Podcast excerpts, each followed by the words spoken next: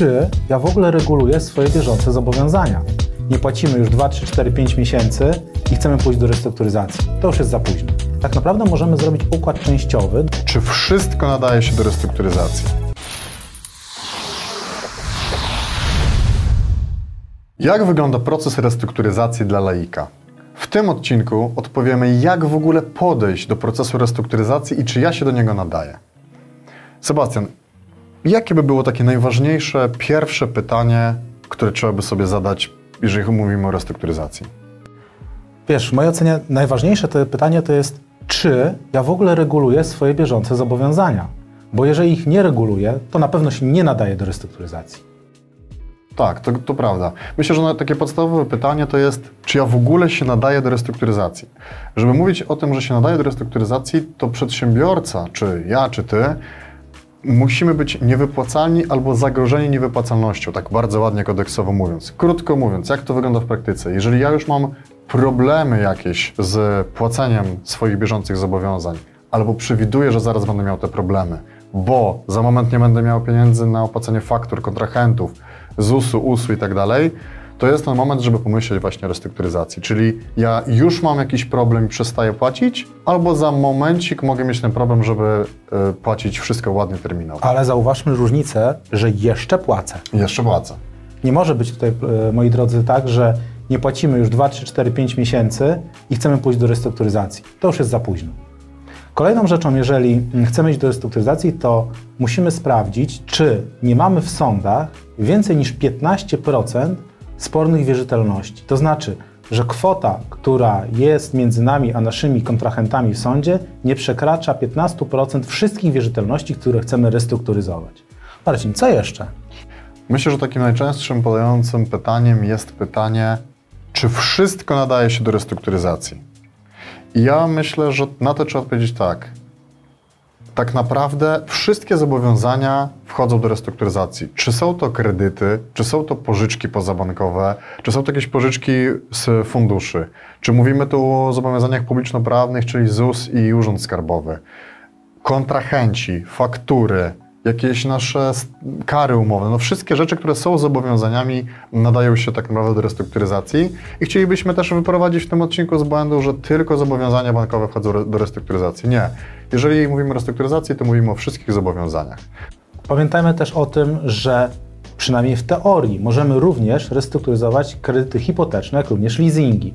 Natomiast ich jakby restrukturyzacja jest o tyle ciężka, że podmioty, które nam udzieliły finansowania, są zabezpieczone na naszym mieniu i mogą się nie zgodzić i nie wyrazić zgody na objęcie ich układem.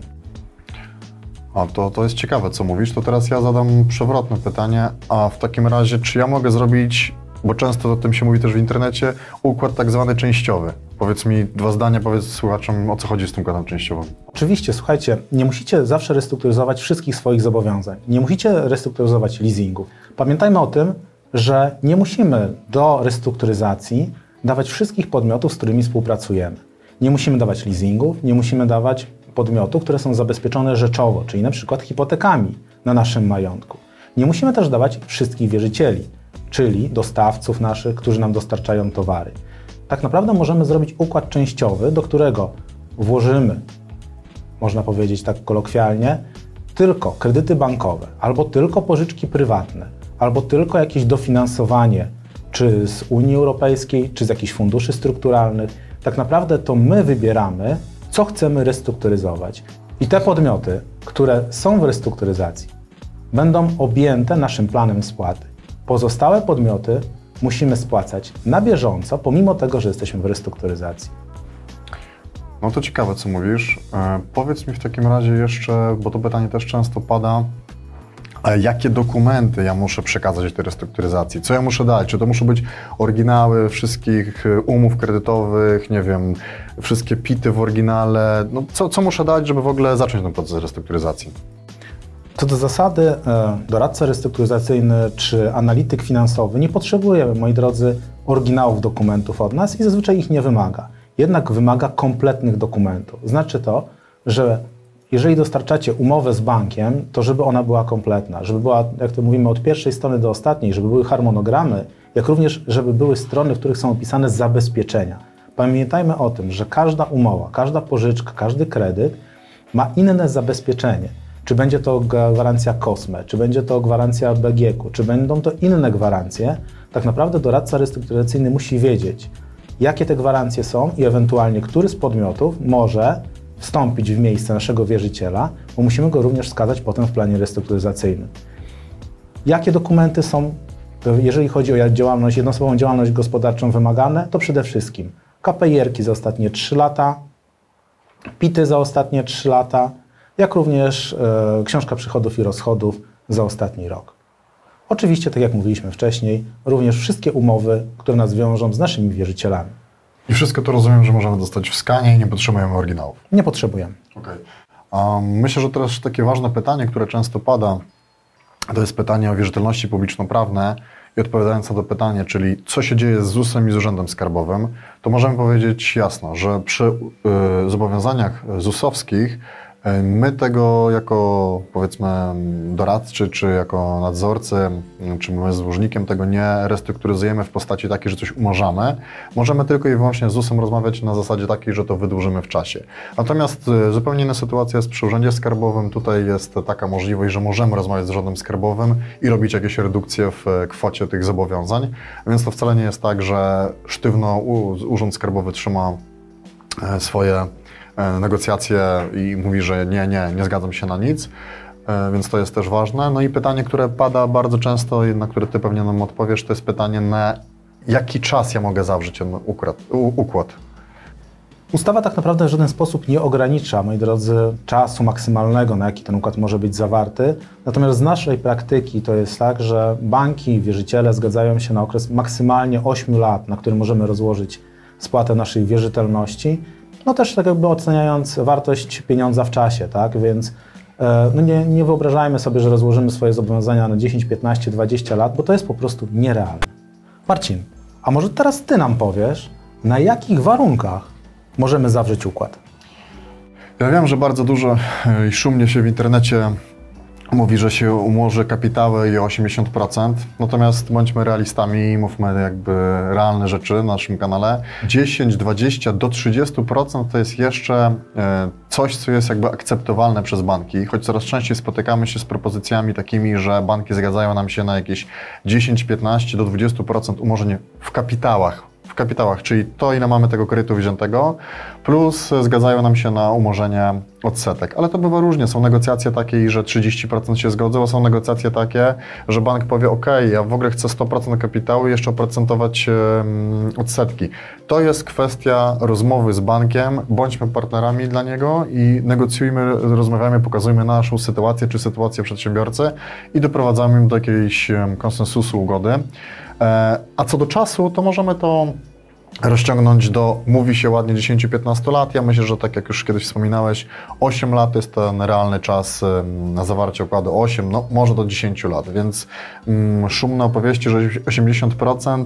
Ja nie mówię, że nie. Przy dużych restrukturyzacjach jest to realne, jeżeli mamy dużą ilość wierzycieli i ogromną ilość zobowiązań. Natomiast przy standardowym przedsiębiorcy jednoosobowej działalności gospodarczej czy spółce ZO e, obracajmy się przy takiej powiedzmy kwocie do 30% umożni w kapitałach e, i i to jest jakby coś, co jest w miarę realne w bankach.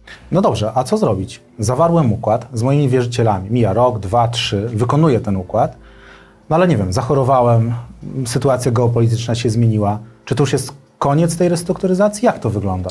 Nie, zawsze, zawsze masz prawo jeszcze złożyć wniosek o zmianę wykonania tego układu, bo zmieniły się jakieś okoliczności, spróbować ten układ zmienić, wskazać, że się pogorszyła sytuacja i próbować jeszcze raz e, negocjować z tymi naszymi wierzycielami. Patrząc na to, co się dzieje teraz na rynku, no to mm, może, można się tego spodziewać, że sytuacja może się pogorszyć i że wielu z naszych przedsiębiorców będzie zmuszonych jednak ten układ e, zmienić w trakcie jego wykonania, więc to wcale nie jest sytuacja zero-jedynkowa. Natomiast co jest ciekawe i to, co myślę, że warto tutaj poruszyć, to jest zdolność kredytowa. Jak będzie wyglądała zdolność kredytowa po restrukturyzacji? Znaczy, to możemy już powiedzieć na przykładach naszych klientów, że ich zdolność kredytowa po zawarciu układu, może, bo nie po restrukturyzacji, bo restrukturyzacja trwa tam 5, 6, 7, 8 lat naszych klientów, natomiast po zawarciu układu i w momencie, kiedy już wykonują ten układ, no jest o wiele lepsza, bo tak naprawdę mają mniejsze raty, rozłożone w czasie, I dla banków są znowu partnerami do rozmowy. Pamiętajmy o tym, że banki oczywiście widzą, że dany podmiot jest w restrukturyzacji, ale wiedzą również to, że ten podmiot musi wykonywać plan spłaty, który wykonuje i musi regulować swoje zobowiązania bieżące.